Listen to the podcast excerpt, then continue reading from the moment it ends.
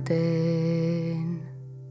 ei ole nemad suutnud kunagi päriselt kokku leppida äh, ja, ja, ja, ja selles mõttes on meil võib-olla mingi nagu platvorm all selle varasema kokkuleppe raames aga miks see asi on läinud teravaks, veel ütlen lihtsalt kuidagi nagu teie mõtlemise häälestamiseks kahtlusteta on see, et me kuidagi oleme jõudnud äh, eelmisest äh, metsanduse arengukava arutelus ka võrreldes hoopis äh, teise ajastusse. see infoajastu või infoühiskond on muutunud reaalsuseks ja, ja eelkõige ei ole küsimus mitte selles, mida me, mida me teame Äh, küllap selles ka, aga, aga kõige rohkem vast selles, et, et meie ootused info kättesaamisele, arusaamisele, mõistmisele on väga muutunud.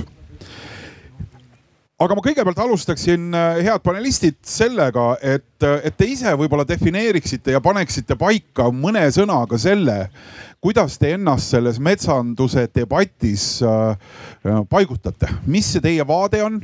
Äh, millisest vaatenurgast, kui te olete osalenud varasemates arutlustes, äh, olete teie oma arvamusi avaldanud ja, ja, ja, ja, ja püüame nagu selle kaudu võib-olla vaatajatele anda ka selle mõistmise, et kes siin äh, siis ühe tavalise saatejuhi, ajakirjaniku kõrval mõtteid avaldamas on.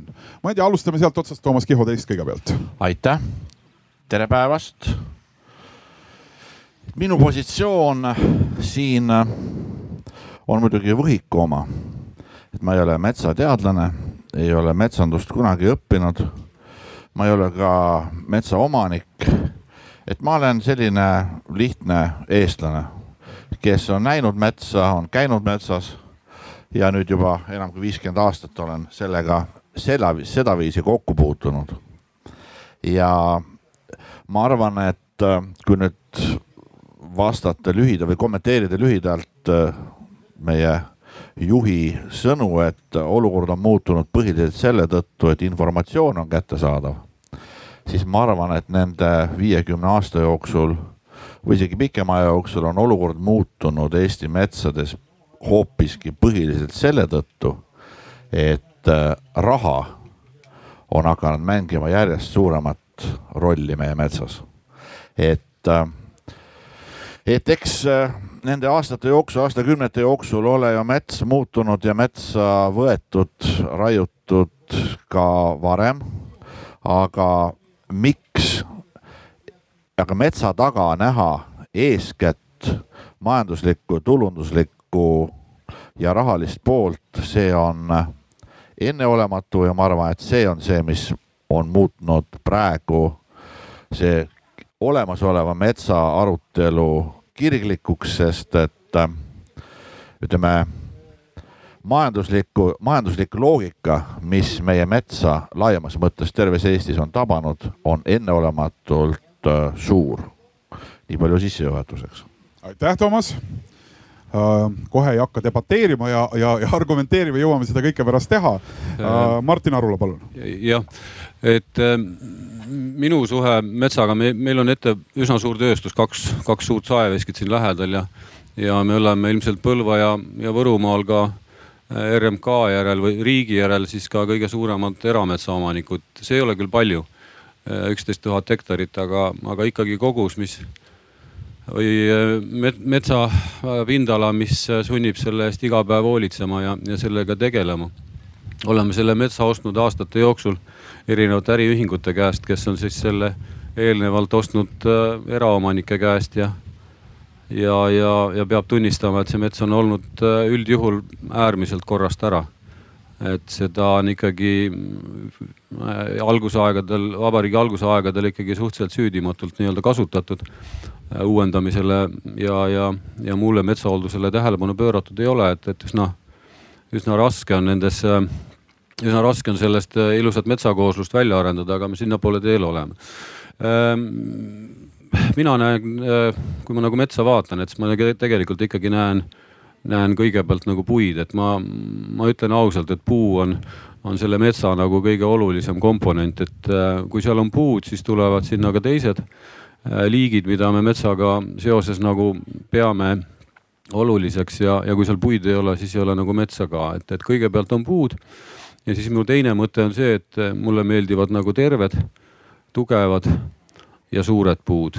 et äh, selle jaoks, et saada terveid, tugevaid ja suuri puid, tuleb, tuleb neid puid natukene aidata, et neil oleks natuke rohkem valgust ja, ja, ja mõned sellised liigid, kes siis puid ikkagi üldjuhul tahavad tahavad nagu kahjustada, et neid tuleb siis natukene piirata. et see on selline metsamajanduse noh, vaade sellele asjale, ta peab olema mõistlik, ta peab olema eluterve.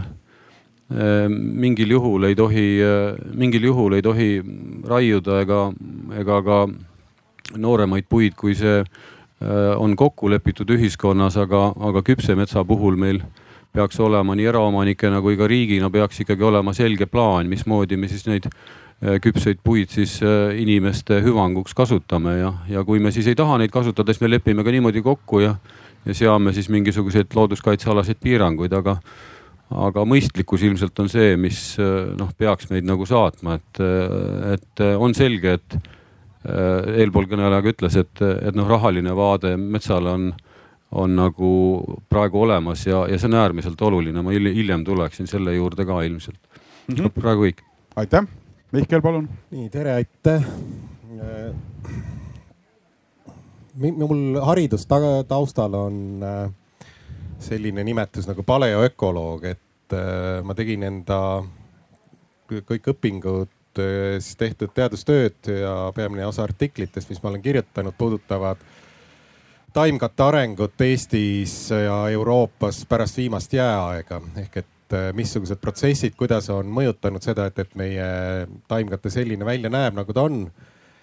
ja kuskil kaks tuhat kaksteist, kolmteist, kaks tuhat kolmteist avaldati artikkel meil äh, suurema seltskonnaga Triin Reitalu eesjuhtimisel, kus me näitasime, et äh, viimased kaks tuhat, kolm tuhat aastat on Eesti metsasid enam mõjutanud inimtegevus Äh, enam kui kliima. muidu me teame, et, et kliima on suures pildis see, mis määrab ära, mis meil siin on, mis kasvavad, mis mitte, aga viimased kaks tuhat, kolm tuhat aastat on olnud inimene see, kes on seda taimkatte struktuuri määranud.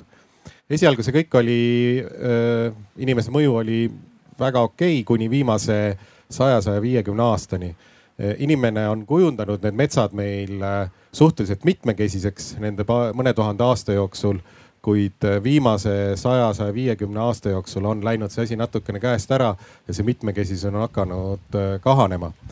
aga äh, sellest artiklist alates on mul minu nagu tegutsemispõhimõtted või, või vaated asjadele järsult muutunud.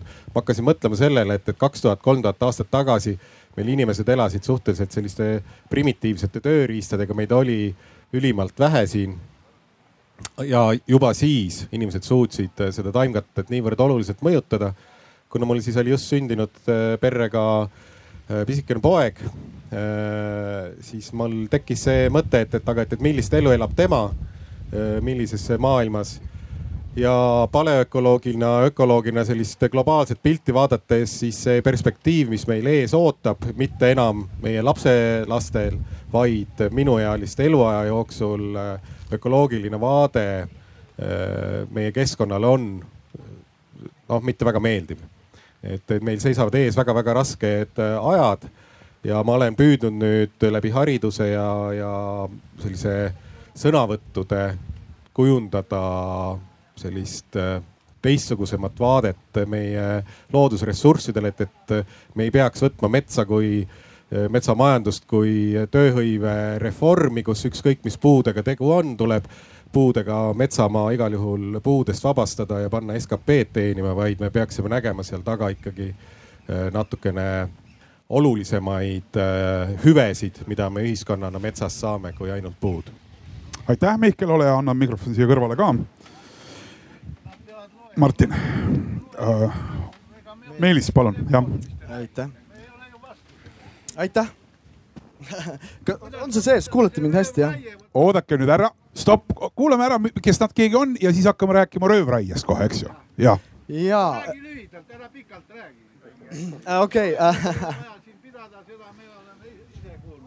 see on väga tore, härra, kui te olete kuulnud loenguid, aga palun ärge segage palun vahele. praegu on kindlasti Meelisel õigus rääkida, milline tema taust või foon on mm. -hmm ja mina olen äh, metsaökoloog, nagu juba mainitud sai ja alustasin metsandusõpinguid üheksakümne üheksandal aastal ja olen sellest ajast saati iga päev tegelenud äh, metsade uurimise ja metsa, metsa mõistmisega ja tänaseks päevaks võib-olla mingisuguse sellise pildi endale nagu ette loonud ja seda dünaamikat mõistan. olen õppinud metsandust, uurin metsi Eestis, Soomes, Rootsis, Tšehhis Rumeenias, Kanadas äh, ja ilmselt mõnel pool mujal ka.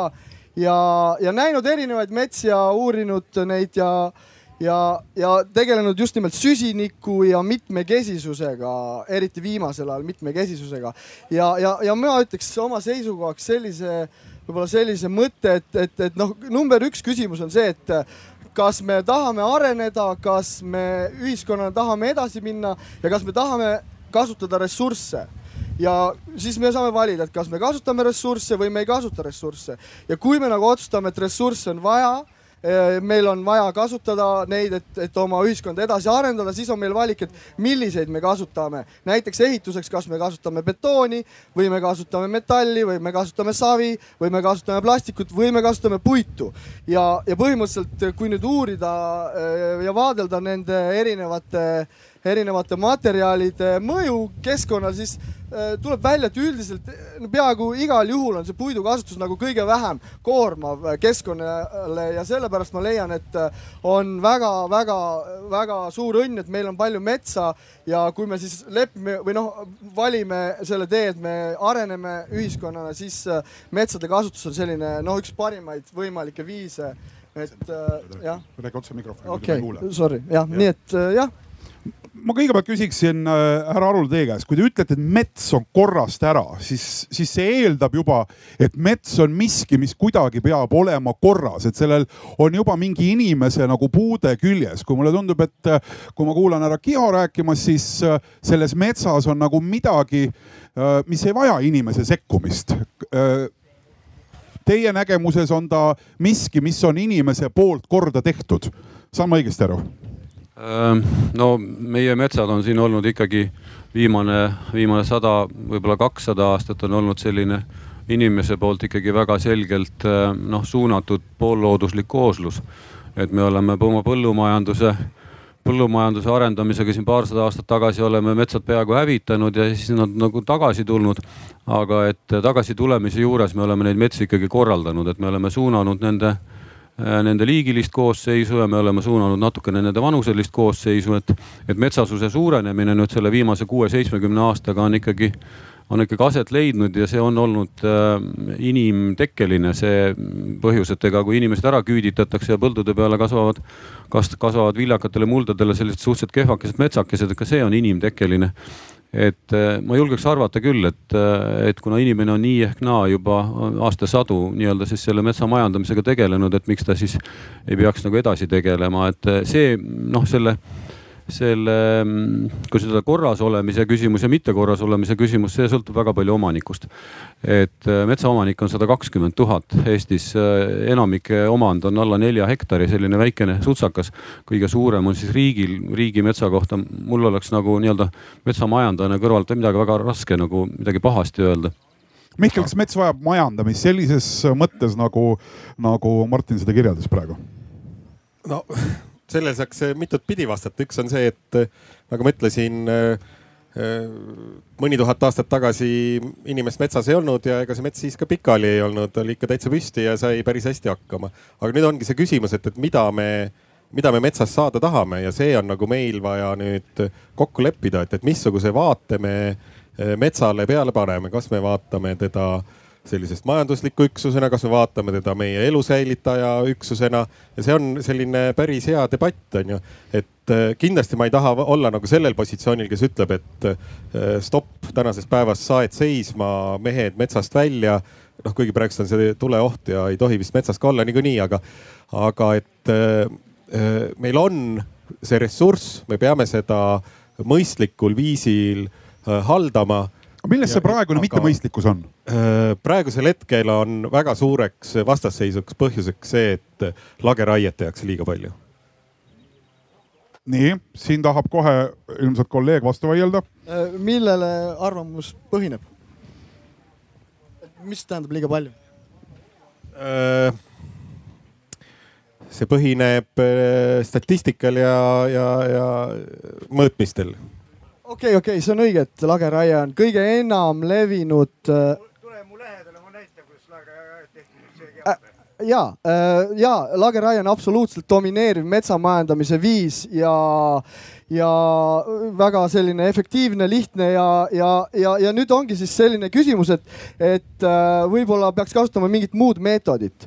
et on olemas erinevaid metsamajandamise viise ja, ja osad neist äh, on sellised, kus ei võeta kunagi kõiki puid maha, näiteks jäetakse alati metsad kasvama, tähendab osa metsast kasvama ja tehakse harvendust ja valikraiet ja, ja neid võib kutsuda püsimetsadeks ja, ja, ja see on nii huvitav küsimus, et ma võtsin kätte aasta aega tagasi sellise uurimuse, et, et, et vaadelda kõiki uurimus, teaduslikke uurimustöid, mis võrdlevad lageraiet ja püsimetsa ja nende mõju mitmekesisusele. ehk siis ma olen kogunud kokku kogu maailma inglisekeelse kirjanduse, mis on eelretsenseeritud, mis võrdleb neid kahte majandusviise ja nende mõju mitmekesisusele ja ma kirjutan praegu sellist äh, suuret äh, kokkuvõtet sellel teemal ja ja, ja, ja minu jaoks on huvitav, kui inimesed ütlevad, ärme teeme lagerajat, teeme näiteks püsimetsa, et see on parem, siis tegelikult ma ei tea, kust nad selle info võtavad, sest et äh, töid on igasuguseid, on töid, mis näitab, et üks on parem lindudele, teine parem äh,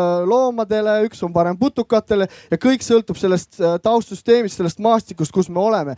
ehk siis äh, Eestis äh,, ma ei tea, kas üldse on töid, mis on seda teaduslikult võrrelnud, kas on parem nagu mingi muu majandusviis äh, kui, kui lageraie, võib-olla on, mina ei tea seda seda. ma vaatan maailmakirjandust ja see artikkel tuleb välja, siis me saame täpsemalt teada, aga praegu ei ole eriti põhjust arvata, et ilmtingimata lageraie on kõige halvem, võib-olla on, aga, aga võib-olla ei ole ka, et ta, seda tasuks uurida nagu noh, tuleb kätte võtta ja seda. Toomas, miks see lageraie halb on?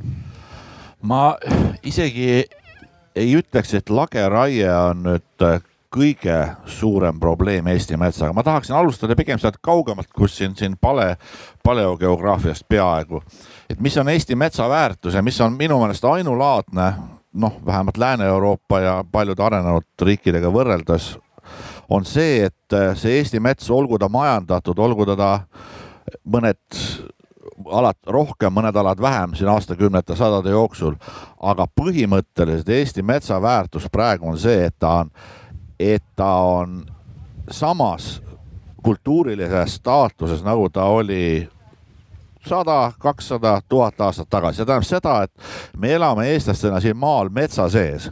meie külad ja meie linnad on välja raadatud metsast ja kui me sõidame, kui me sõidame kahe suurima Eesti linna vahel, Tartu, Tallinna vahel, olgu rongiga või autoga, siis me sõidame tegelikult läbi päris metsa.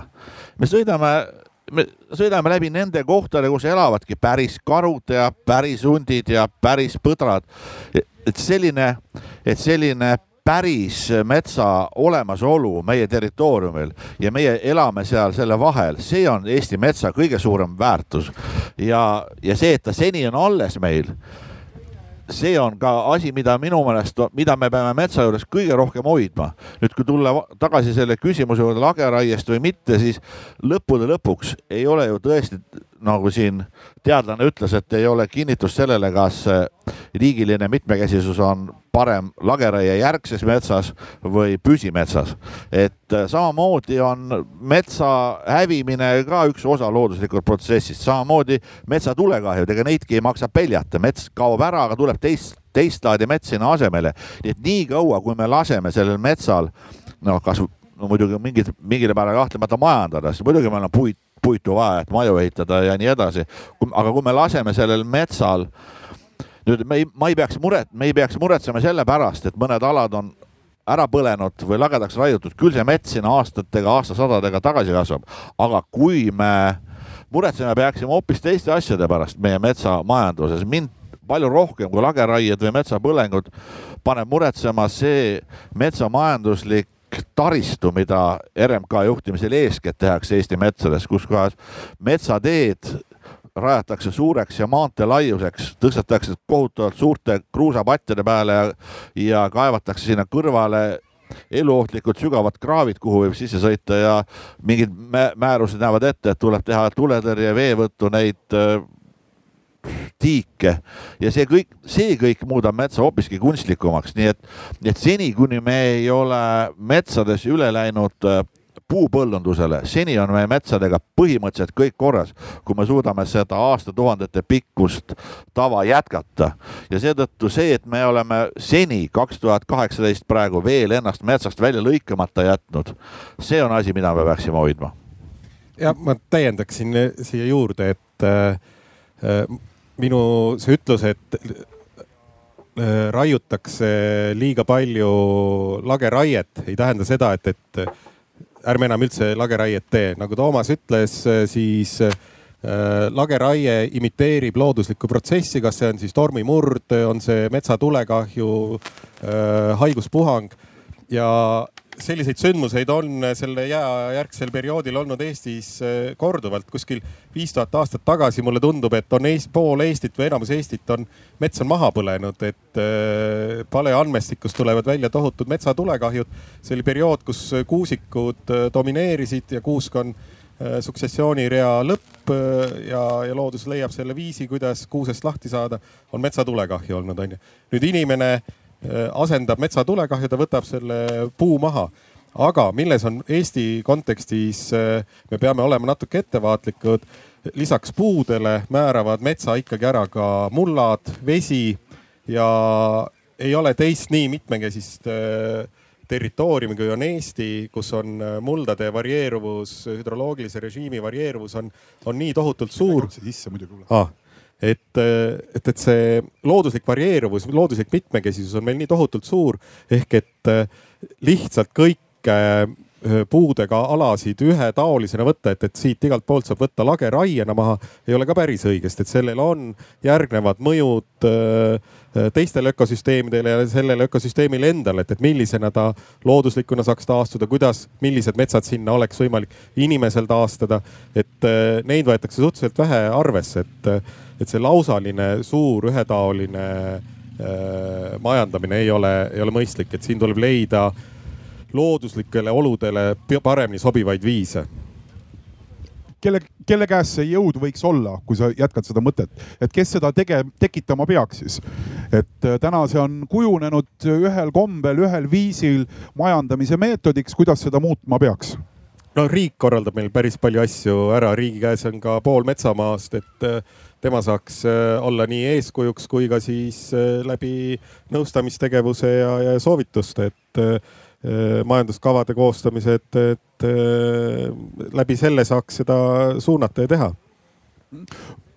kas me raiume metsa praegu liiga palju, see on see küsimus, mis on kõige emotsionaalsem ja mis, mis tekitab kõige rohkem, kõige rohkem siis vastuseisu ja, ja mulle tundus, et Toomas ka viitas sellele, et me raiume justkui ära midagi, mis on pika aja jooksul kujunenud ja, ja, ja, ja jääme selle kaudu ilma millestki, mida enam ei taasta. sa raputad siin nii aktiivselt pead, et ole hea, vasta kõigepealt. ma võin ise vastata kõigepealt, et ma püüdsin küll öelda, et äh, mitte metsade raiumise maht ei ole meie põhi, põhiline probleem. või põhiline probleem on see, et.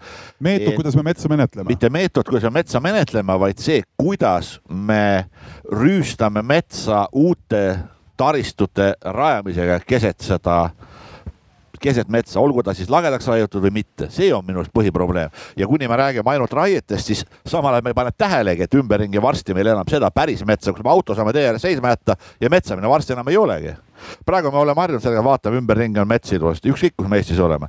aga probleem on selles, et seda varsti me ei saagi enam autot, me lõikame ennast, me lõikame ennast loodusest välja. näiteks kui võtta Tallinna-Pärnu maanteel, siis Ääsmäest edasi on mitme kilomeetri ulatuses, sa ei saa enam aru, kus kohas sa oled, kas sa oled metsas või sa ei ole enam metsas, et see on minu meelest probleem. Meelis? Äh, jah, see öö, äh, probleem on tõesti, et äh, kui me näeme enda ümber lageraieid, siis tekib selline teatav hirm ja selline emotsionaalne selline kurbus, et äh, nüüd ongi niimoodi, et järjest nad lähevad igal pool ja, ja, ja samamoodi, kui me ostame endale punase Volvo, siis me järsku hakkame nägema, et enne nagu ei olnud punaseid Volvo, Volvosid, aga nüüd järsku on nagu punaseid Volvosid igal pool ja kõigil on punane Volvo. et äh, metsanduses äh, see raie äh, tõesti toimib ja ja põhimõtteliselt äh, see asi on nüüd selles, et siin on kaks väga huvitavat punkti, miks praegu on see äh, üleraiumise hirm inimestel äh, nii suur. number üks on see, et eelmine aasta, kui see debatt läks kuumaks, siis oli väga märg, väga märg ilm ja saadas palju vihma ja ei saanud minna metsa raiuma nendele aladele, mis olid metsas sees, kuhu autod ligi ei pääsenud ja natukene raiuti rohkem teede ääres, mis nagu lisas juurde sellele visuaalsele pildile, et, et, et me lageraied on igal pool. Ja teine asi on selles, et et iga kuskil kümne aasta tagant tuleb selline laine, kus inimesed avastavad, et metsi raiutakse ja äkki see ei ole nagu normaalselt nagu läbi viidud. Ja nagu sa alguses ütlesid, siis äh, sotsiaalmeedia äh, lükkab selle nagu väga-väga-väga niisuguse noh, ütleme saak tõmmatakse käima ja, ja, ja see varem lihtsalt ei olnud äh, samamoodi nagu jälgitav. aga Meelis, kas sa ei ignoreeri nagu selle juures ikkagi fakti, et me tõenäoliselt siiski raiume metsa ei. läbi aegade kõige rohkem praegusel hetkel? läbi aegade kõige rohkem, seda, seda no ütleme siis niimoodi, et ma kuidas me saame üldse nagu vaadelda, kui palju metsi raiutakse? eks, et kuidas me seda hindame, et kas me küsime inimeste käest või me lähme mõõdame ja teeme mingisuguse süsteemi, mille alusel me teeme kindlaks, kui palju raiutakse. et no ütleme, nojah, see meetod, mis põhineb nagu inimeste vaatel äh, ei ole kõige nagu äh, noh, sellisem äh, kindlam. ehk siis Eestis ja paljudes äh, Euroopa ja maailma riikides on tehtud selline asi nagu süstemaatiline metsa äh,, metsa äh, iga-aastane või viieaastane ülevaatamine ja on, Eesti on igal pool täis selliseid proovitükke, mida mõõdetakse üle ja läbi selle on meil ainult võimalik saada teada, mis metsad meil on, kui palju raiutakse, kui palju kasvab juurde, mis on liigid ja kui me nüüd neid andmeid vaatame, siis, äh, siis raiutakse täiesti absoluutselt kindlasti vähem, kui kasvab juurde ja ja selles mõttes, et see hirm, et, et on raie suurem kui juurdekasv, ei ole nagu, ei põhine andmetel. see põhineb inimeste nagu sellisel lageraie hirmul, mitte, mitte numbritel, mitte ametlikul statistikal mm, Martin ka ja siis publikus küsimus. natukene täiendaks või, või, või lisaks omalt poolt siin paar päeva tagasi oli oli võimalik nagu Rainer Vakraga pisut, pisut diskuteerida sellel teemal ja, ja ma võtaks selle, võtaks selle juurdekasvu teema korraks nagu selle raie juurest nagu maha, et me tegelikult ikkagi peame vaatama, palju meil on küpset metsa ja mis me siis sellega nagu teeme, et meie metsasus on kasvanud hüppeliselt peale viimast maailmasõda ja nagu, nagu te oskate arvutada, et viimasest maailmasõjast saabki ühe sellise viljakal mullal kasvava metsapõlve jagu aastaid nüüd mööda, et me oleme oma küpsete metsadega jõudnud siis sinnamaale, kus meil on vaja otsustada, et kas me, mis me siis nendega nagu teeme, et, eh, et see on põhjus, mikspärast Eestis nagu praegu raiutakse, kuna küpsesse ikka jõudvat metsa on palju. et Eestis ei ole võimalik raiuda mitteküpset metsa, kuna seadus seda ei luba. kui keegi seda teeb, siis on see kuritegu ja, ja noh, viimasel ajal, äh, viimasel viiel aastal neid kuritegusid siis vähemasti keskkonnateenistused leidnud ei ole. Äh, kuritegu on ka kuritegu on ka see, et metsa ei uuendata, erametsaomanikud raiuvad oma metsa ja ei uuenda seda. meil on uuenduskohustus ja ma arvan, et see avalikkuse selline negatiivne suhe selle lageraie ja metsaga on ka see, et inimesed teavad, parastades ütlevad, ta, ta, ta, ta pagan niikuinii ei istuta siia uut metsa, laseb siia võsa kasvada. loodus on meil hästi andestav, kasvatab lõpuks sinna ikka mingisuguse kasemetsa peale aga ma arvan, et see on probleem, et tavalisel inimesel ei ole teadmist, et metsaomanik käitub korrektselt, et see lageraie on õigel ajal tehtud, et see mets on uuendatud ja, ja, ja selle metsaga on tõesti normaalselt ringi käidud. ma arvan, et probleem selle lageraie puhul on see, et äh, neid vanuseid ja puu ümbermõõte, millest alates tohib raiuda, õige on, et kõik tehakse seaduslikult, aga tegelikult probleem on selles, et neid vanuseid ja puu ümbermõõte raie küpsuse määramisel on järjest vähendatud. see annab ka selle mulje ju juurde, et raiutakse väga palju no pean siia siiski täiendama, et äh, neid vanuseid on nüüd ükskord äh, selle pakti, roheliste ja siis töösturite pakti alusel aasta tagasi muudetud kuusikute raiuvanust, mis kasvavad viljakatel puldadel. selle eest saadi siis kolmkümmend tuhat hektarit looduskaitse alla võtta salumetsasid. tegelikult võeti kaitse alla muidugi siinsamas neid samade lahedate kruusateedega, millest Toomas rääkis, neid äh, nii-öelda viimases järgus olevaid männimajandusmetsasid, aga see selleks. ja, ja ükskord on siis ka puude küpsusvanust äh, piiratud, siis kui Villu Reiljan oli minister. aga muus osas on meie puude küpsusvanused täpselt samasugused nagu Soomes ja Rootsis Äh, kus siis tegelikult muld on veel vähem viljakam ja kus äh, puud veel kiduvad nii-öelda veel rohkem kui meil, et, et, et see täpsustus nagu oleks, et see on selline rahvusvaheline praktika, mille alusel meie puude küpsusvanus on määratletud ja, ja kindlasti on see koht, kus ma ütlen, et, äh, et seesama metsanduse arengukava võiks arutleda, et kas see siis on okei okay või mitte. aga, aga ma väidan, et, et ikkagi noh, lageraiet Eestis on väga keeruline ikkagi ebaseaduslikult läbi viia mm. -hmm. palun härra, tulen teie juurde, saate kõva häälega küsida kohe.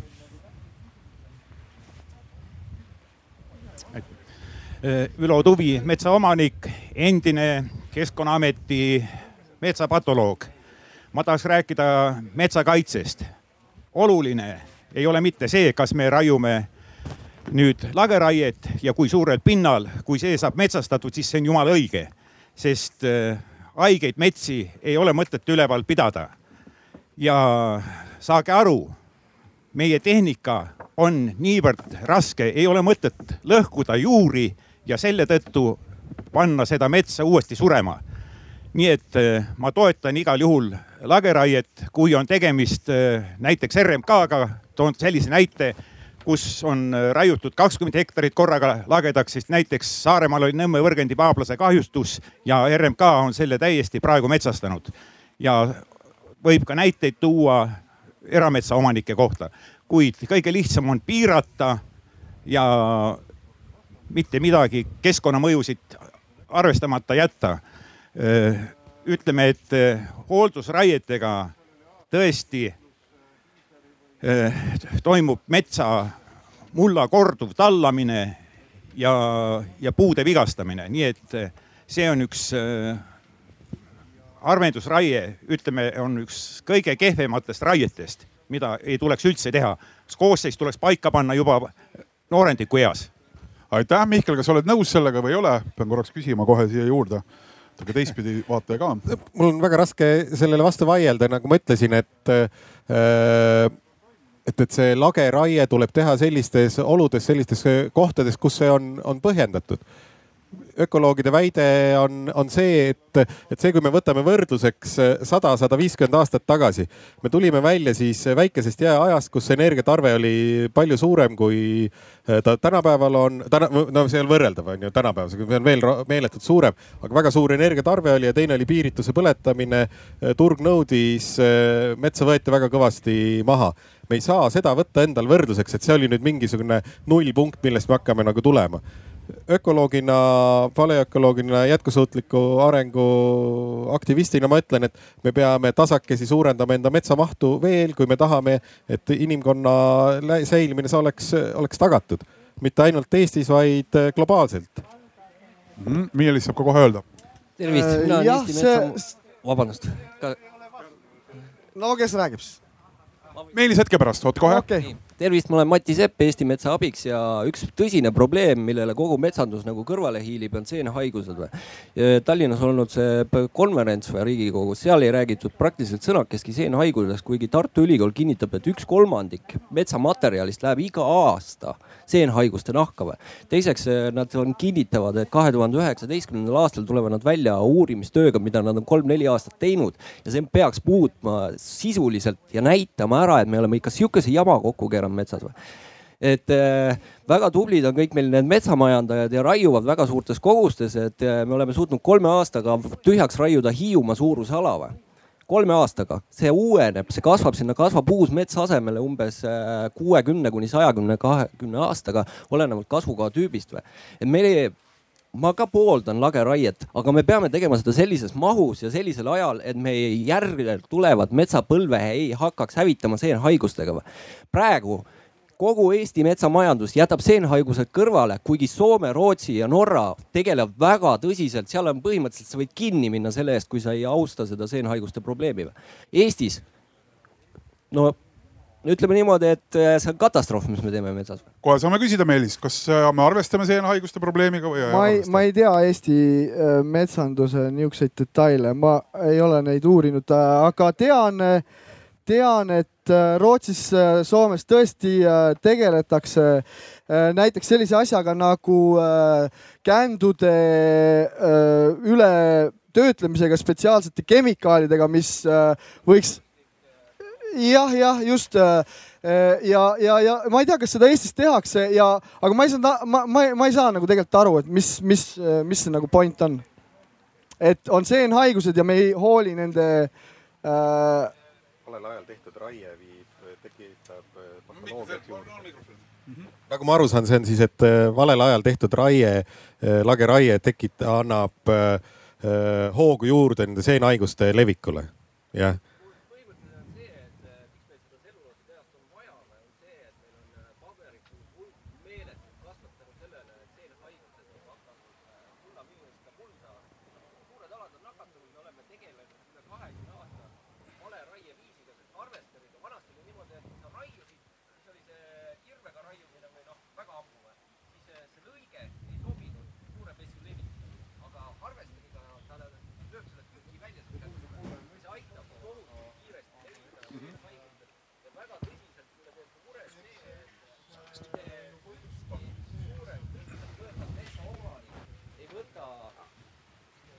et mitte ükski tõsiseltvõetav metsaomanik, isegi suurfirmad ei võta seda olukorda tõsiselt või?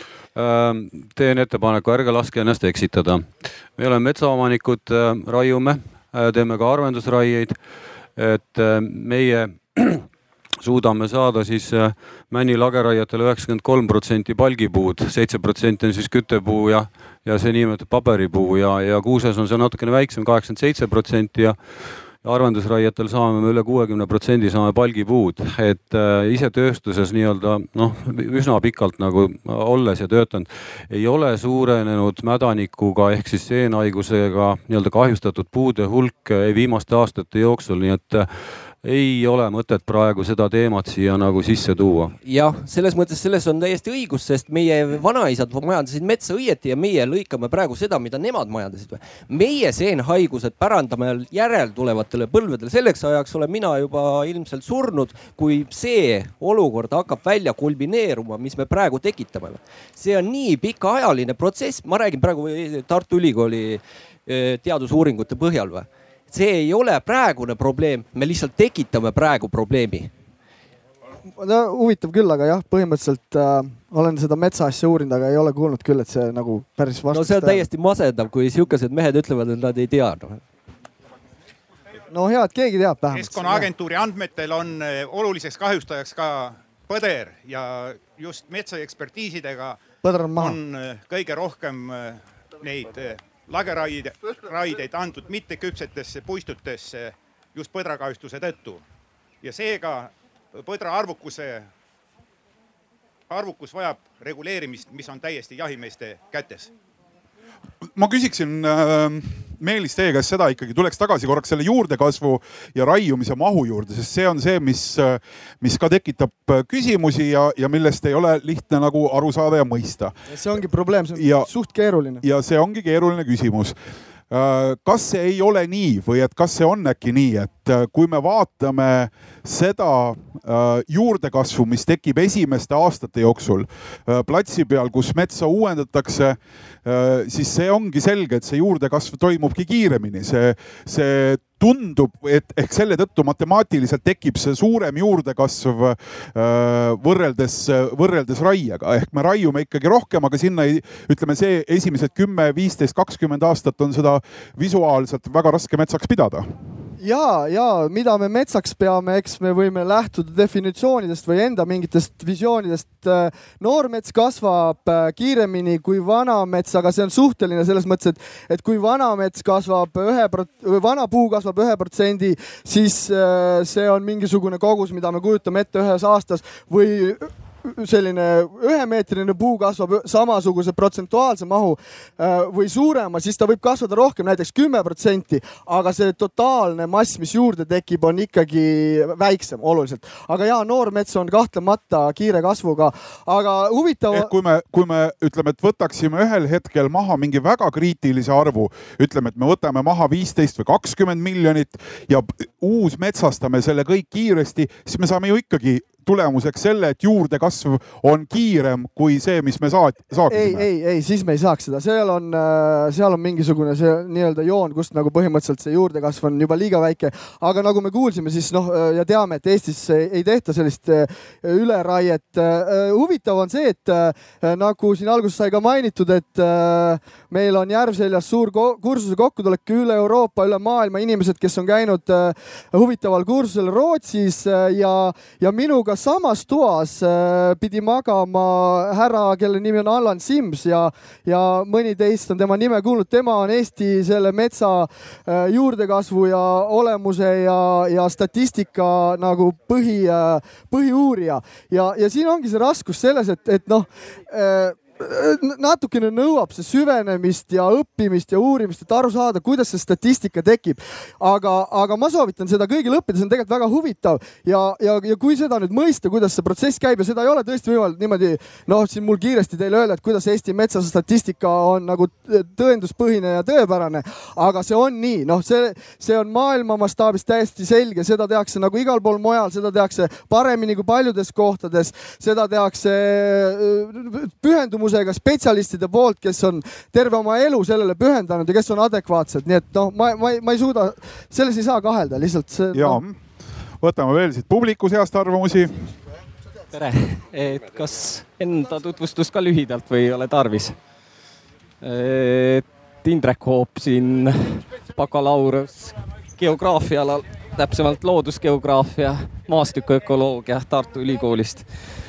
et äh, ma vaidleks nagu vastu või tõstataks teise aspekti siin näiteks võrreldes eelkõnelejaga, et on Eesti metsateadlaste hulgas äh, palju muid arvamusi, kasvõi äh, selle äh, aastase raie osas, et Eesti üks kuulsamaid tunnustatumaid metsateadlasi Toomas Frey on ju näiteks öelnud, et seitse aastat on Eesti metsad ette raiutud või kui me võtame kasvõi Tartu Ülikoolist Ülo Manderi seisukohad, et paljudes metsakasvukoha tüüpides salukuusikutes näiteks on suur, väga suur äh, äh, raie ja etteraie juba ära olnud ja see on ainult üks aspekt, aga et lahendusteni võib-olla me jõuame edaspidi, et mida võiks teha ja nii edasi, et. aga aga kommenteerime seda, et äh, tõepoolest need äh, Frey arvamus eelmisest aastast ütles seda, et, et see üleraie on toimunud. ma ütleks selle Frey koha pealt, et äh, tunnustatud, aga ta on väga vana mees ja noh. aga võib-olla ta teab seetõttu, ega see vanus ei tähenda ju seda. see on selles mõttes, selles mõttes on see probleem, et ta ei ole seda viimase aasta Eh, statistikat endale nii põhjalikult ette võtnud, see on niivõrd palju materjale, seal on niivõrd palju tegureid, et lihtsalt, eh, lihtsalt öelda, et okei okay,, ma olen seda noh, kunagi uurinud ja nüüd ma arvan, et on halvasti, seda võib, aga see ei ole nagu selline nagu kandev statistika no,. Meelis, te saate aru, eks ju, et vanusele apelleerida selle juures nagu väga ei saa, eks, et see, et seal peaks kindlasti olema midagi juures veel. palun järgmine äh,. et äh, et see juurdekasvu teema on, on väga eksitav. et selles mõttes, kui me näiteks oleme erametsaomanikud ja meil on küük, äh, meil on üks, meil on üksteist tuhat hektarit metsa, nii et äh, ärge segage, palun. ja näiteks oleme kümne hektari metsaomanik ja meil on noh, tuleb kogemata välja, et see on siis noh, pool sellest on siis küpseks saamas ja, ja, ja tuleks siis nagu raiuda viiskümmend protsenti sellest metsast Äh, mismoodi puutub selle metsa raiumisse juurdekasv? No tegelikult ei puutu, puutub selle metsa seisund. Äh, seadus ütleb ja teie sisetunne ütleb, et äh, seda metsa peab raiuma, kuna ta muidu läheb hukka.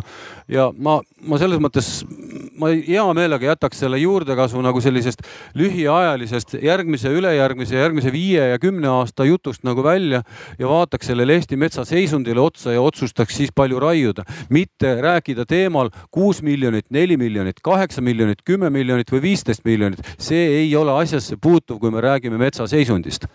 aga kui me räägime pikaajalisest sajaaastasest majandamisest, siis minu enda isiklik seisukoht on see, et Eesti metsatagavara peab kogu aeg kasvama, me peame raiuma niimoodi, et tagavara kasvab.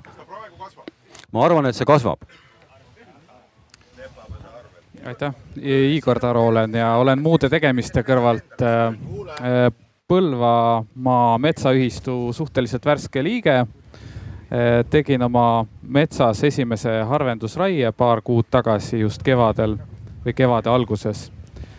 ja noh, minu selline metsa keskel elamise kogemus on umbes kaheteistaastane ja ma pean tunnistama, et minu vaade lageraie lankidele on oluliselt muutunud selle kaheteist aastaga just sel põhjusel, et siis, kui me kolisime sinna enda külasse ja nägime, et metsa raiutakse, siis oli hästi kurb. Aga oh üllatust, kaheteist aastaga on raielankidele tekkinud uued puud ja sirgunud juba päris kõrgeks. ja kogu selles arutelus, et kui ma lõpuks otsustasin oma metsaga või metsa seisundit uurida, ma sain esimeses metsa, selles metsamajanduskavas teada, et minu metsa tekkimise aasta on tuhat üheksasada viiskümmend kuus ma sain kinnitust külainimeste sellistele mälestustele, et minu mets oli vanasti äh, Tatra põld. ja noh, pärast seda, kui mina olen seda metsa majandama hakanud, siis tegelikult ei ole mul kavas seda Tatra põlluks tagasi teha.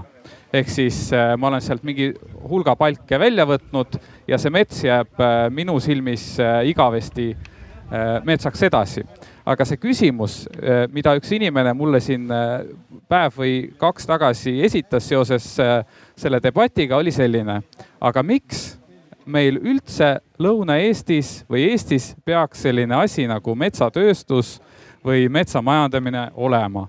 et istudes nendel toredatel puupinkidel, puutoolidel, see lava on tõenäoliselt ka puitmaterjalist nagu ehitatud.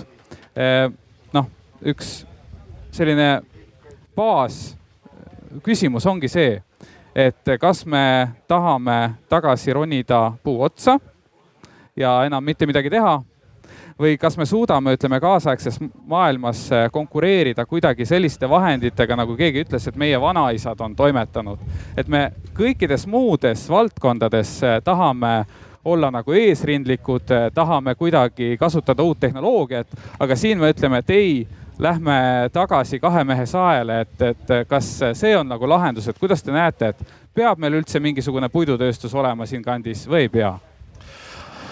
ma tahaksin seda, kui tohib, vahepeal kommenteerida, lihtsalt äh, mina ei arva, et peaks minema vanade tööriistade juurde tagasi, see selleks, küll aga selles mõttes peab äh, metsa majandama sama, minu soovitus on metsa majandada samasuguses võtmes nagu meie vanaisad tegid. kui vanaisal oleks olnud need tööriistad, mis meil on praegu, ta oleks kindlasti ka noid kasutanud, selles ei ole mingit kahtlust. et selles mõttes ei ole mitte küsimus tööriistades, vaid küsimus on selles, kuidas me suures pildis metsa näeme. meil siin kipub ikka aeg-ajalt mõneski metsadebatis minema jutt selle peale, et vägisi me räägime metsast umbes nagu põllumehed oma saagist. et seni, kuni me ei pea metsa üksnes puupõlluks, lõpuks, seni on Eesti metsaga kõik hästi. kui me hakkame ainult, kui me eraldame mingi eraldi maa, kus me paneme ühte ritta kasvama ühte liiki puud, et võimalikult kvaliteetset ilma haigusteta palki saada, siis on meie metsaga läbi ja selles mõttes nii ei teinud meie vanaisad. ja et selles mõttes me peame oma vanaisad, meil on soovituslik, kui me tahame Eesti metsa säilitada, selles mõttes säilitada ka traditsiooniline metsatööstus ja metsa majandamine see on umbes minu vastus, et niikaua kui meil on päris mets, mida me saame päriselt hallata, nii kaua päris põdrad kõnnivad ringi ja tõepoolest päriselt söövadki meie võr-, neid äh, vänniistikuid ja tõepoolest päris karud tulevad ja tuusendavad meie mesipuid ja päris hundid murravad meie lambaid. niikaua on meie mets enam-vähem sellises seisukorras, nagu ta on olnud siin jääaja järgsel ajal kogu aeg ja niikaua oleme võidumehed. jah nende metsadebattide juures üks, äh, kaks kehva tendentsi on. Äh, üks on see, et, et kui arutelud lähevad hektarite ja tihumeetrite peale, siis ma tahaks ka minna sööma ära juba. ja teine on see, et äh, see läheb Eestis igasuguste vaidluste juures, siis läheb kohe läheb ekstreemiumiks ära kõik. Läheme puu otsa tagasi koopasse, tagasi elama, teeme no, no mida iganes, ühesõnaga on, on pooldajad ja vastased ja siis on nagu tükk tühja maad nende vahel tegelikult asi ei ole ju üldse, ei pea olema nii keeruline, me ei, me ei, me ei süüdista ju siin nagu, et äh, mõned üksikud või, või osad talunikud ei taasta, metsaomanikud ei taasta enda metsi.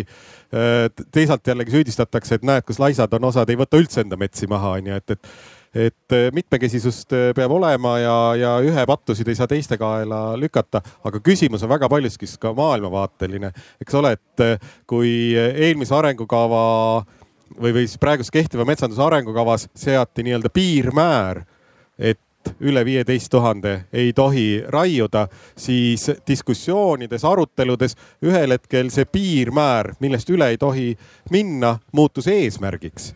Et, et see, see on nagu noh, iseloomustab seda, seda vaadet sellele asjale, et, et kui alustati nii-öelda äh, debatte rääkides äh, metsade ökoloogilise seisundist, äh, ökoloogilisest jätkusuutlikkusest, siis nüüd me oleme paari aastaga jõudnud sellesse olukorda, kus me räägime metsanduse Äh, tööstuse, majanduse nii-öelda püsivusest ehk et metsast kui ökosüsteemist on vaade nihkunud metsa kui ressursiallikale ja siin on ka loomulikult on meie, meie ressursiallikas.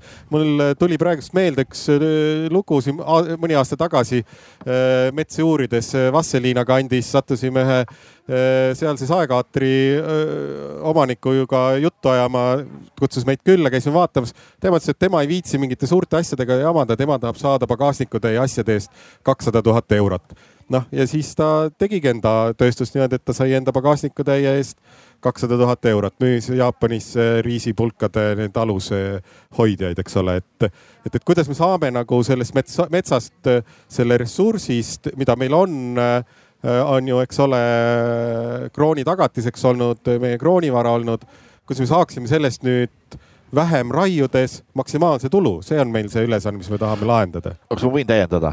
et äh, ma tahaks öelda, et me tegelikult see meie väärtus ongi, et me elame nii-öelda puu otsas, me elame, oleme, olemegi seal nagu ma alguses ütlesin, me elamegi tõepoolest niimoodi, et kui ma sõidan Tartust Tallinnasse, ma sõidangi läbi päris metsa ja minu meelest on see Eesti väärtus. see, et mets on meie keskkond, mille vahel me elame, mille vahele on kujunenud meie linnad, meie külad ja meie teed. see, et ma sõidan mööda maanteed ja ma näen peaaegu iga kord metskitsi ja väga sageli põtru, see on asi, mis mis on Eesti väärtus ja mida, mida me peame hoidma, seetõttu mets on eeskätt meie keskkond, milles me elame. see on nagu õhk meie ümber. kui seda metsa enam sellisel kujul ei oleks, oleks ainult puupõllud, siis ei oleks enam see Eesti, nii et seetõttu, seetõttu me peame selles mõttes jääma täpselt oma vanaisade kombel puu otsa elama või koopasse mm. -hmm. palun. Meelis. ei, mina tahtsin lihtsalt öelda, et äh, rääkisime päris karudest, päris põdradest äh,. näiteks Eesti lastele, sealhulgas ka minu lastele just meeldivad mängukarud ja mängupõdrad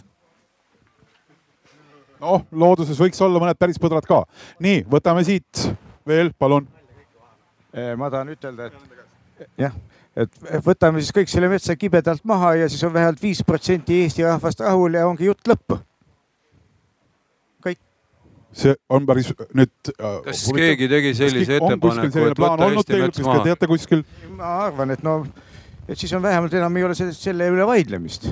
siin ju kogu aeg käibki jutt sellest, et me ei no ilmselt, no lennuks ettepanek, ütleme niimoodi kokkuvõttes.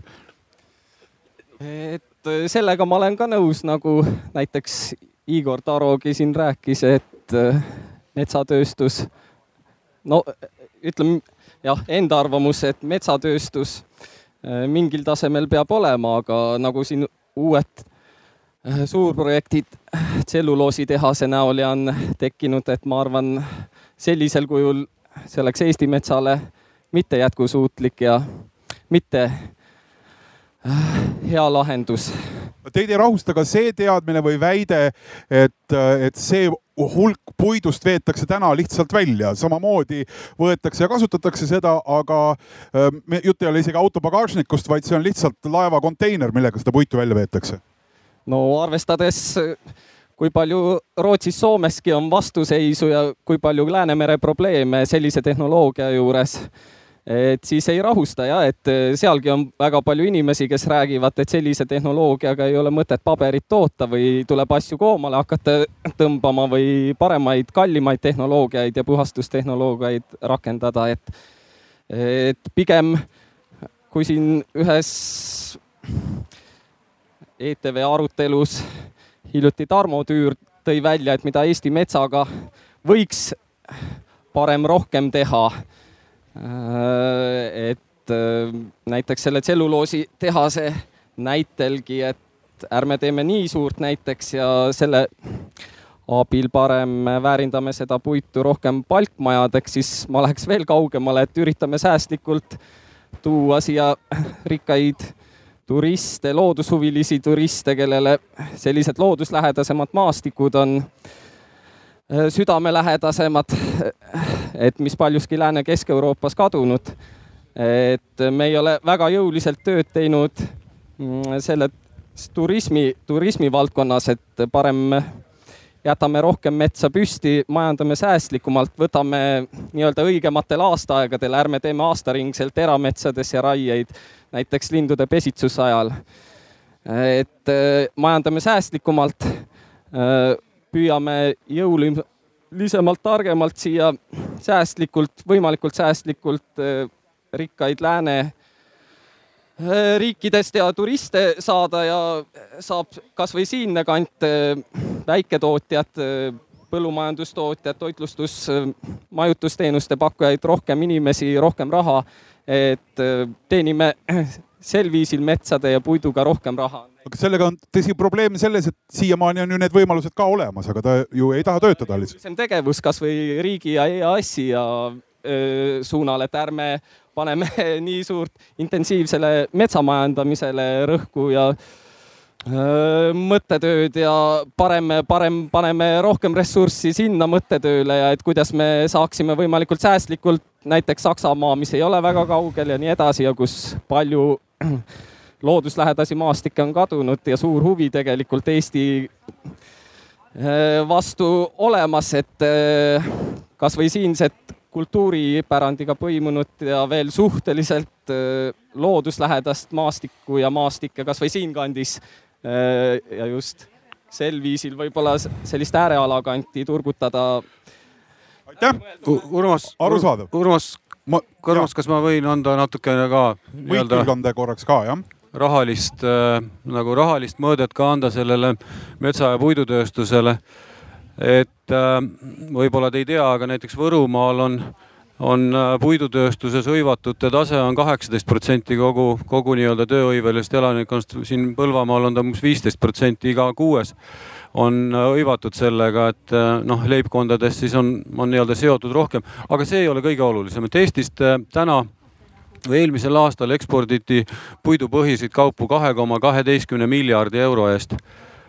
Sellest enamiku rahalises käibes moodustavad puitehitised ehk siis majad erinevat moodi ja, ja näiteks seesama saematerjal, noh, mis on siis tavalised lauad ja prussid, see on alles neljandal kohal ja, ja ümarmaterjali oli selle kahe koma kaheteistkümne miljoni sees siis, miljardi sees siis saja viiekümne miljoni eest, oli siis paberipuit valdavalt, eks ole, kuskil rannikualadelt ta jääb eluaeg sinnapoole sõitma. puit on nagu piim, ta on tegelikult odav ja on teatud piimaringid kujunevad välja, teda ei saa vedada saarte pealt Tartu kanti ja Tartu kandist ei saa teda saarte peale vedada, eks ole et aga, et äh, mis ma tahtsin öelda, on see, et et puidutööstus nagu ühe inimese kohta toob äh, erakordselt palju raha nagu riik, et meil on sada kakskümmend kuus inimest äh, Tohtanis tööl ja, ja sellel aastal iga inimese kohta käive, noh, mis me siis välismaalt toome raha ära Eesti puidu, puittooteid siis väärindades umbes pool miljonit eurot inimese kohta.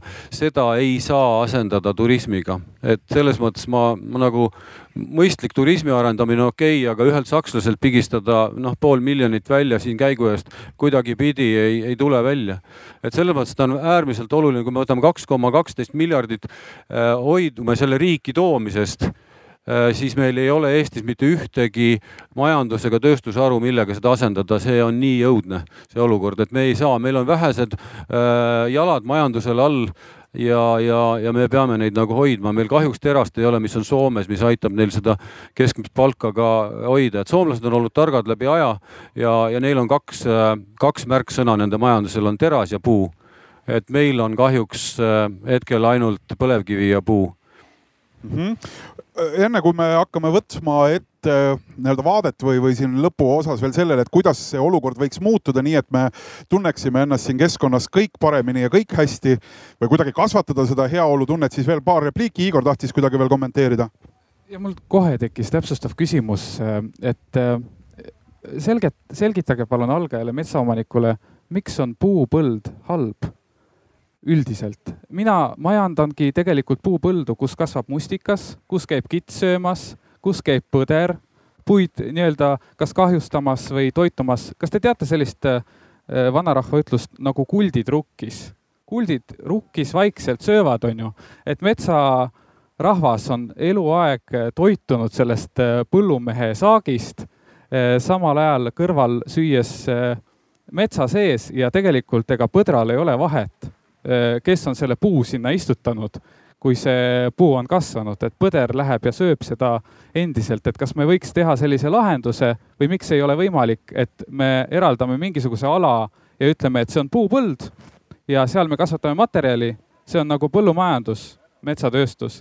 Ja teine ala on see, kus me ütleme, et me edendame ökoloogilist kooslust, seal on hoopis teised reeglid ja mis iganes see protsent või proportsioon on, et selle lepime kokku kui mina selle puupõllu mõiste siin sisse täna siin kõnes võtsin, et siis ma võtan õigusega vastata, et puupõld ongi just sellepärast halb, et puupõllul ei käi põdrad ja puupõllul ei toimu mingisugust muud, mingit muud asja, kui seal kasvab, nii nagu rukkipõllul kasvavad tänapäeval ainult rukkikõrred, kõik muu on umbrohi, kõik muu tuleb sealt hävitada.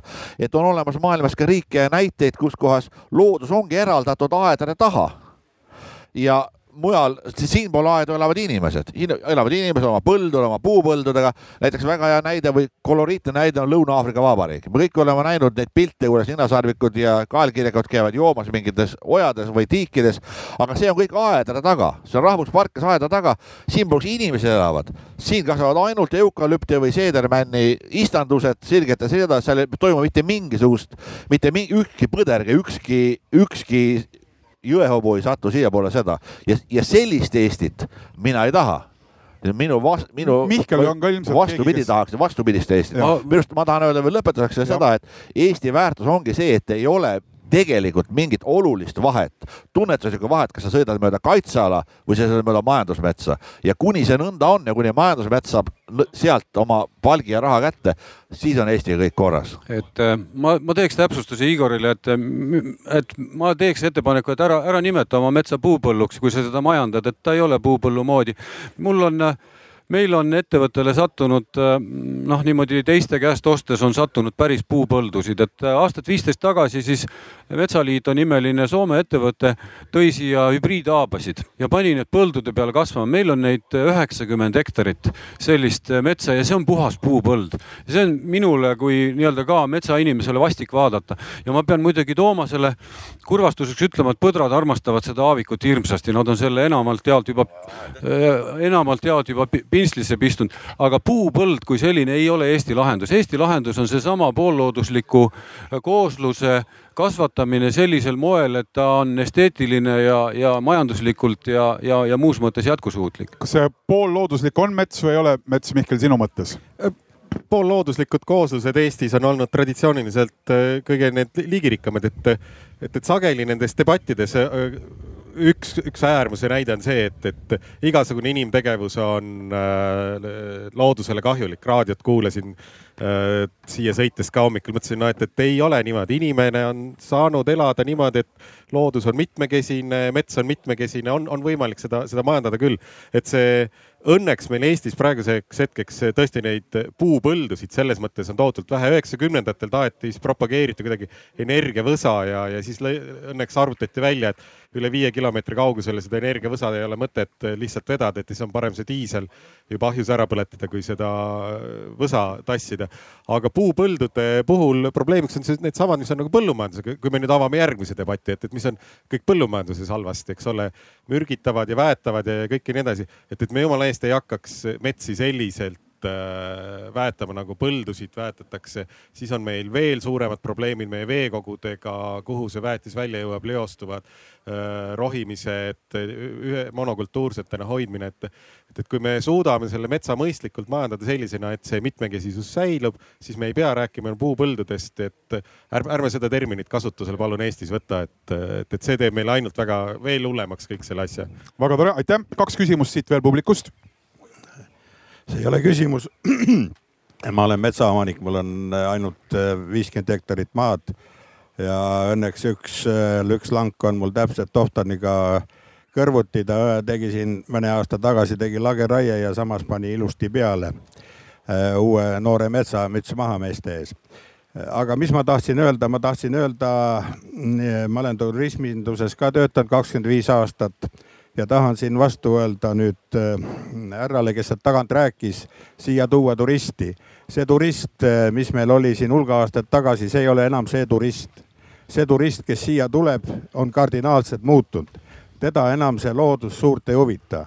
tema tuleb oma Aagis suvilaga siis esimene asi, mis tehakse, televiisori antennid ülesse äh, ja televiisorit vaatama. Laps, lastele paku välja, et lähme metsa vaatama. ei, lapsed lähevad hotelli tuppa magama kohe. miks, miks, miks on televiisoris nii vähe programme? nii et see turisti toomine siia ei ole, ei ole niisama ja nüüd äh, lageraietest ma tahaks öelda seda, võtke, alles tuli Maa-ameti poolt uus portaal ju välja värskelt ja vaadake, kui palju lagendikke sinna on tehtud. ja needsamad, äh, mis Toomas ütles, need kruusateed, no see on jube, see on jube ja tuua, RMK toob kakskümmend viis, nelikümmend tonni kes oli Kevade Tartus näitus, masin kaalub nelikümmend tonni. no mis mullastik jääb meil sinna järgi, kui see masin üle käib?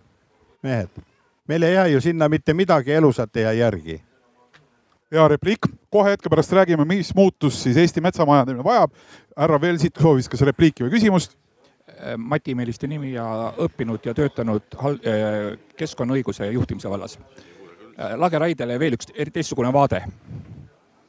kõige ennem me kaotame ära metskonnad, viime inimesed koha pealt kaugele ja lõpuks jõuame selleni, et otsustuskoht, kes tõmbab arvutis äh, lageraide piirid, on kuskil Pärnus või Tallinnas täpselt samasugune situatsioon on meil erametsaomanikega, kus aja jooksul on äh, omanik pärinud äh, oma maad ja ise tegelikult seal kohapeal ei ela, tal puudub igasugune side.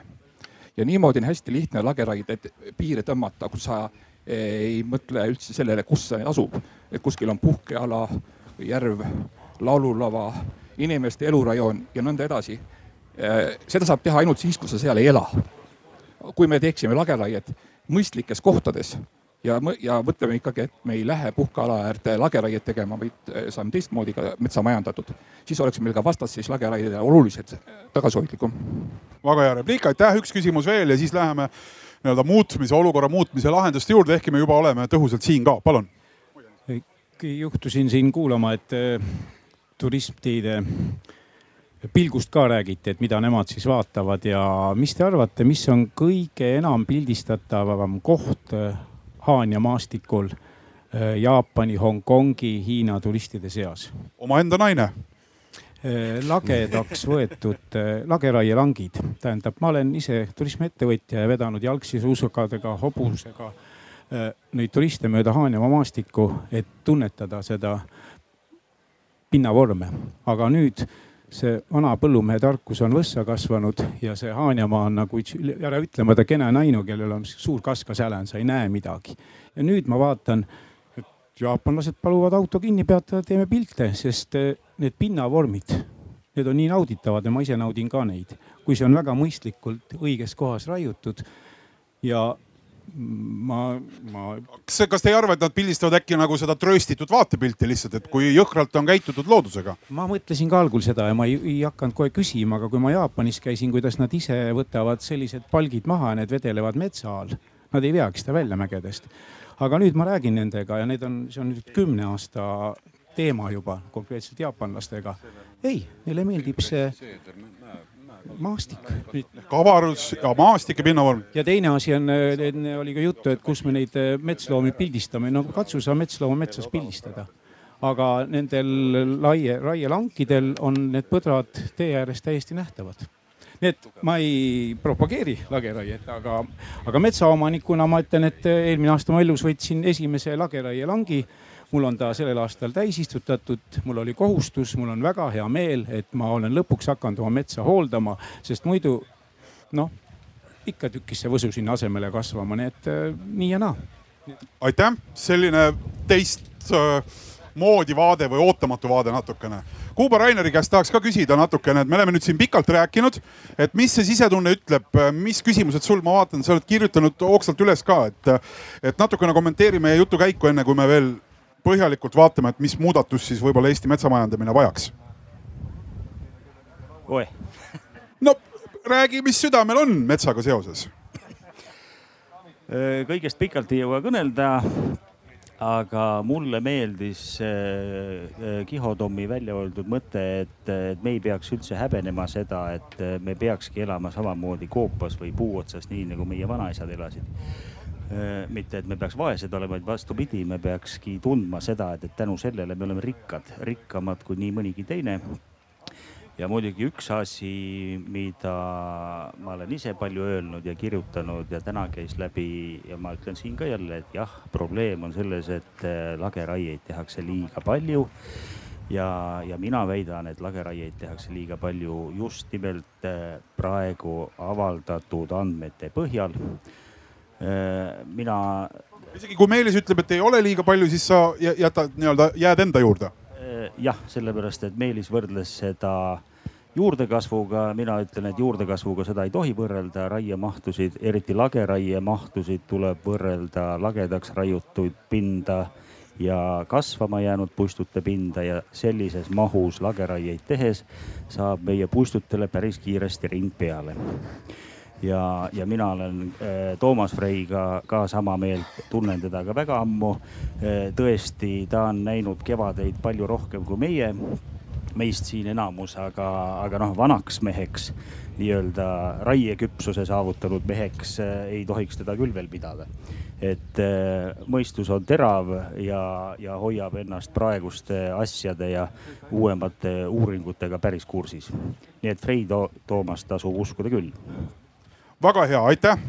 Um meil on veel paarkümmend minutit ja ma selle kasutaks ikkagi ära selle muutuse peale, et äh, selge on see, et juba see rääkimine ise ja see huvi ja siin täna ka äh, see paarkümmend või, või poolsada inimest, kes on seda jutuajamist jälginud, äh, keegi emotsionaalsemalt vahepeal ära kõndides ja tagasi tulles, viitab ju sellele, et me metsa majandamise juures oleme kusagil, kus, kus huvi selle vastu on, on väga-väga suur ja, ja, ja me tahame mõista ja tahame aru saada ja tahame seda teemat paremini tunnetada. Mihkel, võib-olla sinust alustan.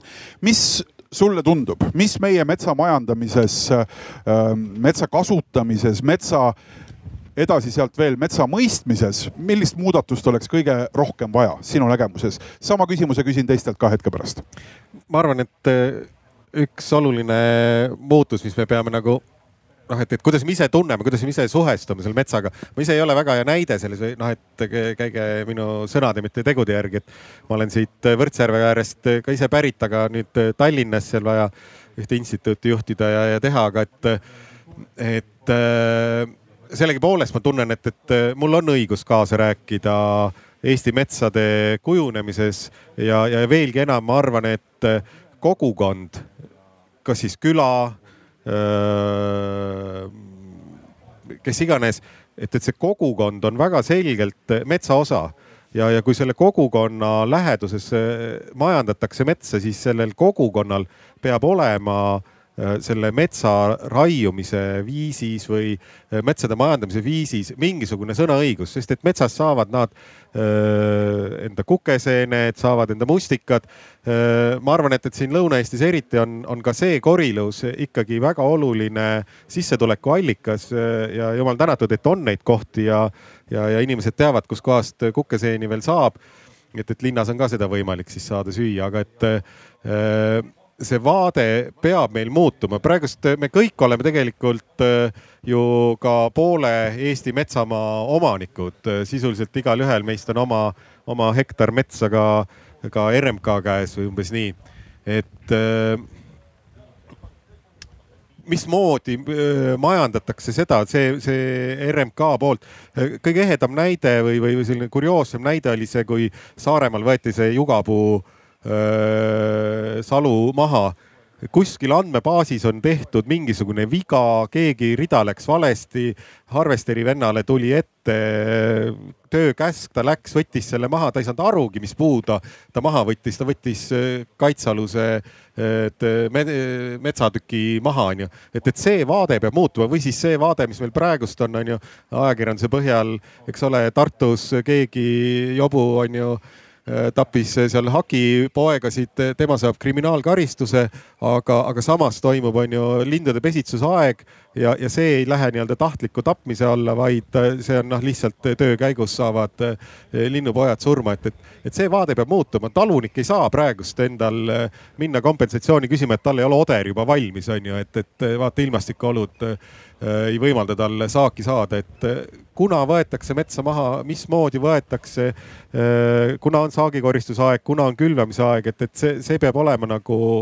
sellise loodusliku, loomulikuma rütmiga koos käima, et, et meie suhe metsa peab lihtsalt muutuma. teiseks, me oleme ise metsa osa eks seesama, mida siin hetk tagasi ka härra nimetas, et, et see kogukondlik kontakt ja, ja, ja omavaheline läbirääkimine peaks olema tihedam ja vaade kohalik, mitte arvuti ja programmipõhiselt äh, distantsilt äh, nii-öelda prognoosiv või ennustav.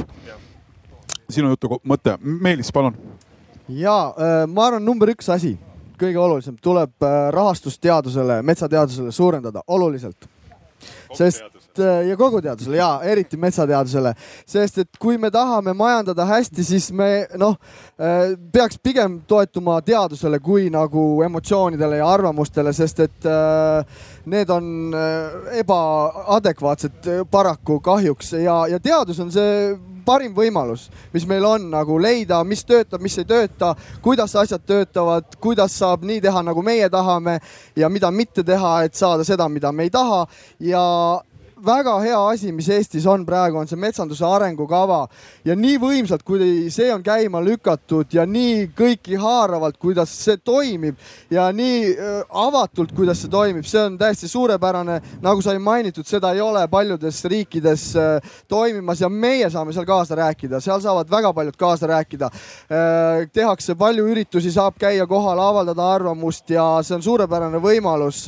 ja, ja, ja siis on meil ka suur õnn on elada demokraatlikus riigis ja me saame valida inimesed, kes meie neid äh, nägemusi kannavad. ja ma usun, et no ma ei tea, võib-olla see ei ole äh, tõsi, aga kas Eestimaa rohelised on nagu need, kes hoolivad kõige rohkem Eestimaa loodusest, ma ei tea. aga kui nad on, et nende uus programm mingi hetk välja tuleb ja, ja nende, nende lähenemine teile meeldib, siis kindlasti valige Eestimaa rohelisi.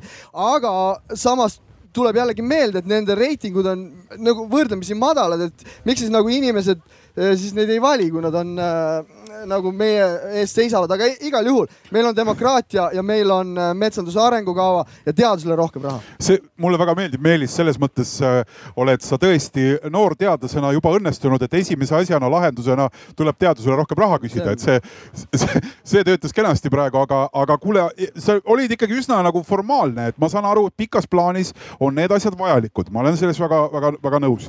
Äh, aga konkreetselt selles tänases majandamises, kas sa näed, et oleks mingi muudatus, mis aitaks kaasa parema majandamisele ja, ja, ja arvestades just seda, äh, ka seda emotsionaalset, vaata mõnes mõttes ikkagi seda miinusringi ehk äh, metsaga paraku on selline asi, et me näeme seda teravamalt, kui ta on maha võetud ja see mõjub palju valusamini metsa kasvamisega koos kasvades. see, see, see on hoopis teine emotsionaalne asi kui, kui metsa mahavõtmine. ehk, ehk selles on ju see see selliste debattide üks nagu peamisi põhjuseid, et me, et me, et me oleme äh, nii-öelda selles intensiivsema mahavõtmise ringis. mida seal muuta?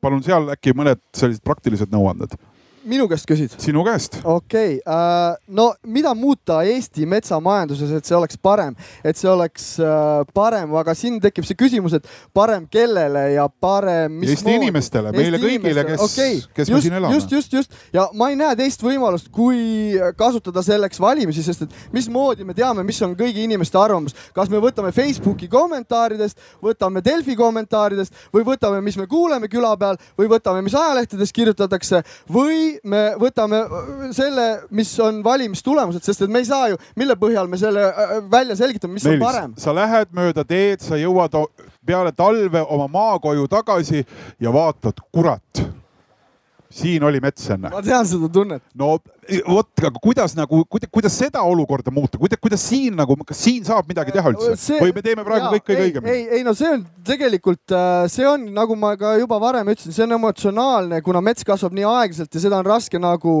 näha sellise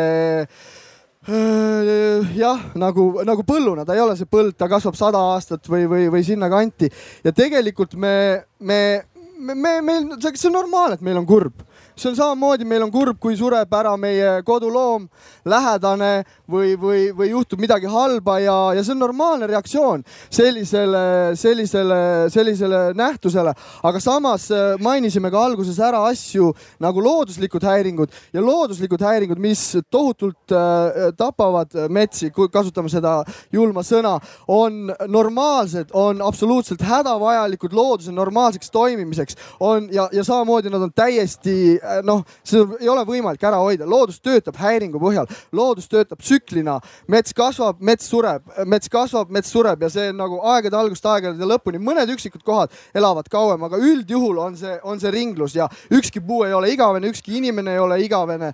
Ja, ja põhimõtteliselt meil, meil peab olema kurb, aga siis me peame saama lugeda kuskilt äh, adekvaatsest allikast, mis on reaalsus, mis toimub ja siis selle põhjal näha, et tegelikult see on okei okay,, see on normaalne ja, ja minge õppige metsandust ka muidugi mulle meeldib sinu optimism, Toomas. aitäh viga on selles, et äh, puu kasvab ja puu sureb, aga mets kasvab, aga mets ei sure.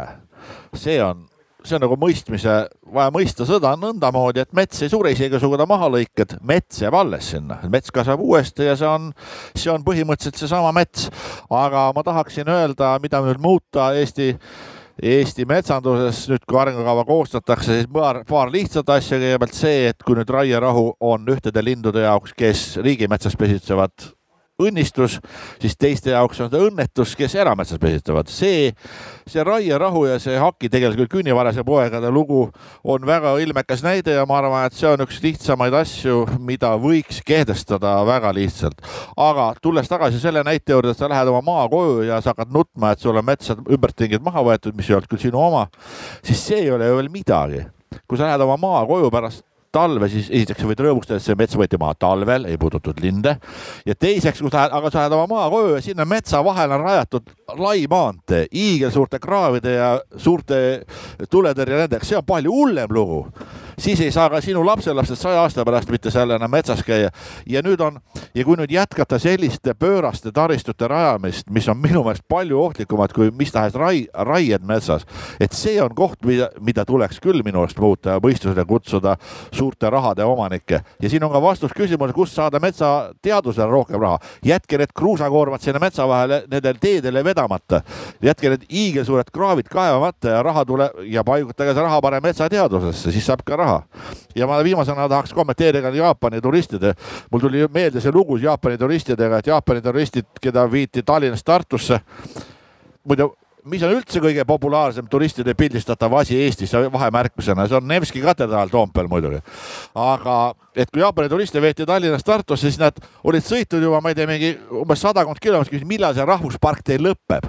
ja vaata, kuni, kuni Jaapani turistid küsivad selliseid asju, seni on meil lootust mm. -hmm. Mihkel tahtis kuidagi va-, ootad veel, ja palun, siis Martin mis see küsimus nüüd oli? küsimus oli see, et mis meie tänases metsamajandamises võiks olla see muudatus, mis äh, annaks sellist metsarahu ühiskonda natukene rohkem? noh, eks meil ole, eks meil ole nelikümmend kaks protsenti ole riigimets ja, ja seda siis majandatakse nii nagu, nii nagu riik on on RMK-le selle ülesande andnud. Ja ülejäänu siis viiskümmend kaheksa protsenti on eramets, mida siis majandatakse niimoodi, nagu seadused on ette näinud, need peaksid olema riigi ja erametsas üsna sarnased.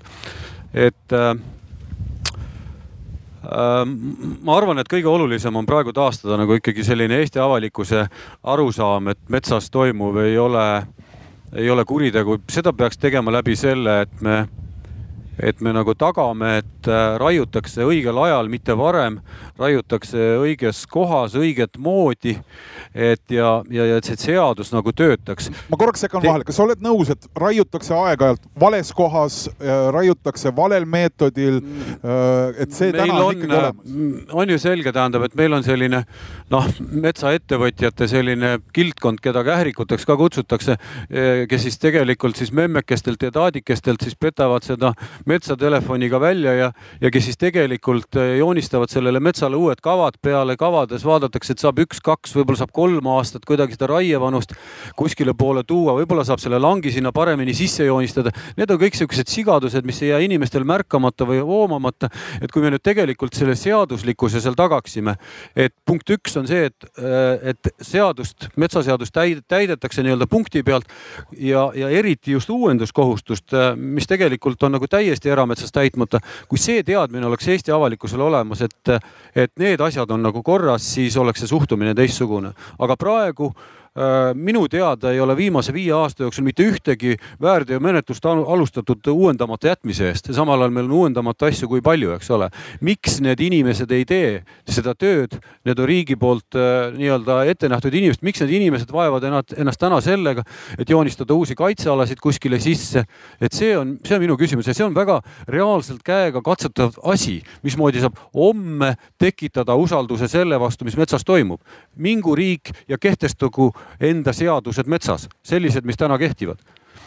ja ma tahtsingi jõuda täpselt selleni, kuhu äh, sa siin kõrval jõudsid mulle, et, et, et, et kõige olulisem, mis meil nagu saavutama peame uuesti, on nüüd äh, usaldus ühiskonnas selles osas, et, et mis metsanduses toimub, kas me saame seda uskuda. ma olen ise praegust selle uue metsanduse arengukava ökoloogia töörühma liige ja ma, ma ei taha praegust, meil on õnne, õnneks ainult kaks minutit aega, ma ei lähe seal detailidesse, aga iseloomustuseks ühe Riigikogu liikme ütles, et noh, et, tehke seal seda arengukava, mis te teete, aga lõpuks selle võtab vastu Riigikogu ja, ja Riigikogu komisjonis saab need kõik asjad uuesti ära muuta, et, et see, see on poliitika. Ja me peame taastama see, selle usalduse, aga see usaldus peab taastuma Äh, kusagil seal kõrgemal Toompea roosas majas. et äh, praegust on see usaldus kadunud, siin on üles loetletud väga-väga mitmeid põhjuseid, mis, mismoodi see on see juhtunud, just nimelt need kährikute tõttu ilmselt on kõige suuremad kurjajuured, äh, kellega tuleb toime tulla. ehk et kolmandal märtsil ärge valige poliitikuid, kes mängivad küünilisi mänge meie metsadega sa jõudsid samasse kohta tagasi, mida Meelis ütles, väga tore jah. ja kahte tuhandet üheksateistkümnendat aastat pidas Mihkel siis nüüd silmas. publiku käest ka siin, kes on mõelnud ja kaasa rääkinud natukene, mis muutust oleks vaja?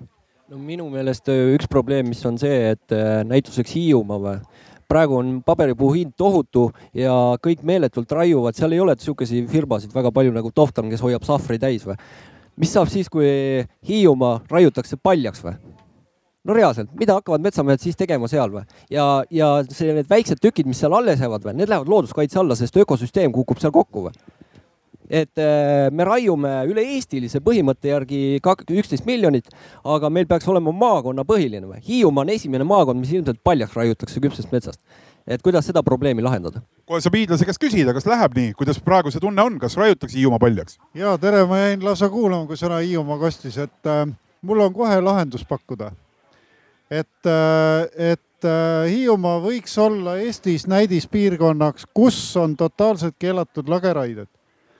et äh, on ainult, ma võin terminites eksida, aga valgusraied, hooldusraied ja nii edasi, vahelt raied. et, et tõepoolest lagedaid lanke otsetee ääres on Hiiumaal lubamatult palju minu meelest ka. siin ei tohi kindlasti süüdistada RMK-d vaid äh, on väga palju erametsaomanikke, kes tõesti praegu kasutavad ära seda hetkesituatsiooni, kus hind on kõrge, aga siin peakski olema mingi printsiip riigipoolselt äh, reguleeritud et äh.... miks te seda omavahel ei saa kokku leppida, te teete seal mere taga oma, oma saar, oma, omad inimesed. miks peab, miks peab riik kuskilt Tallinnast kehtestama mingi reegli, kuidas hiidlased omavahel oma saart majandavad? Vot ma kardan, et siin jääb nagu sellest omavahelisest kokkuleppest natuke vajaka, et siin on äh, tõenäoliselt vajalik äh, metsaseaduste või mõnede muude riiklike regulatsioonide muutmine, kohendamine, nimetame siis seda nõnda. ja, ja see annaks koheselt tulemuse, see annaks tulemuse täitsa raudpalt ehk ikkagi ütleme, et hiidlane ei saa hakkama oma saare äh, ilme hoidmisega, vaid sealt tuleb ikkagi raha mängu ja, ja raiub selle paljaks, nii et vähe ei ole. Ei vaata, see on, äh, see on nüüd selline lugu, ma toon ühe näite. Et, äh, et te kõik olete kindlasti kuulnud, lugenud, äsja Elva külje all tohutu poleemika lindude pesitsuse ajal tehti äh, raiet, lageraiet.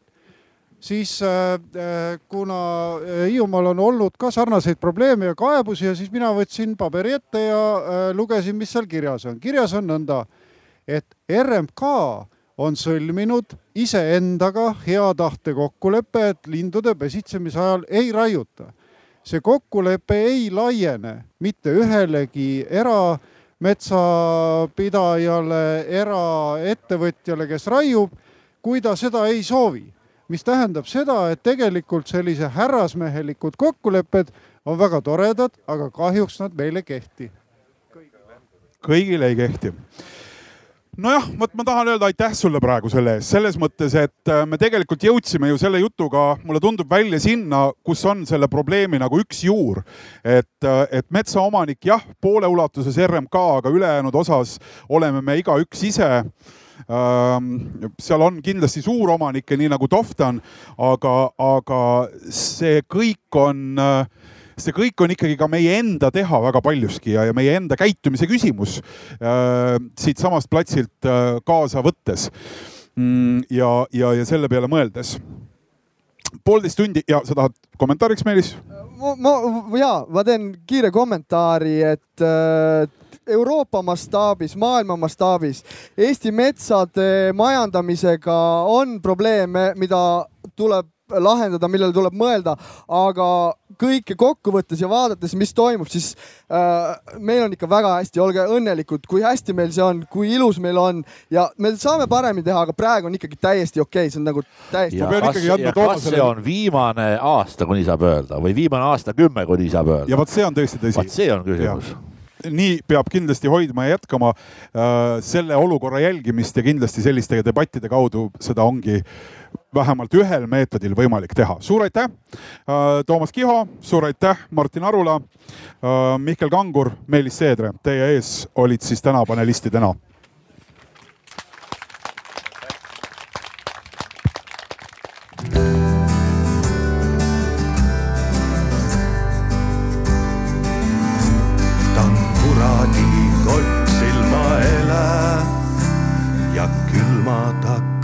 Ta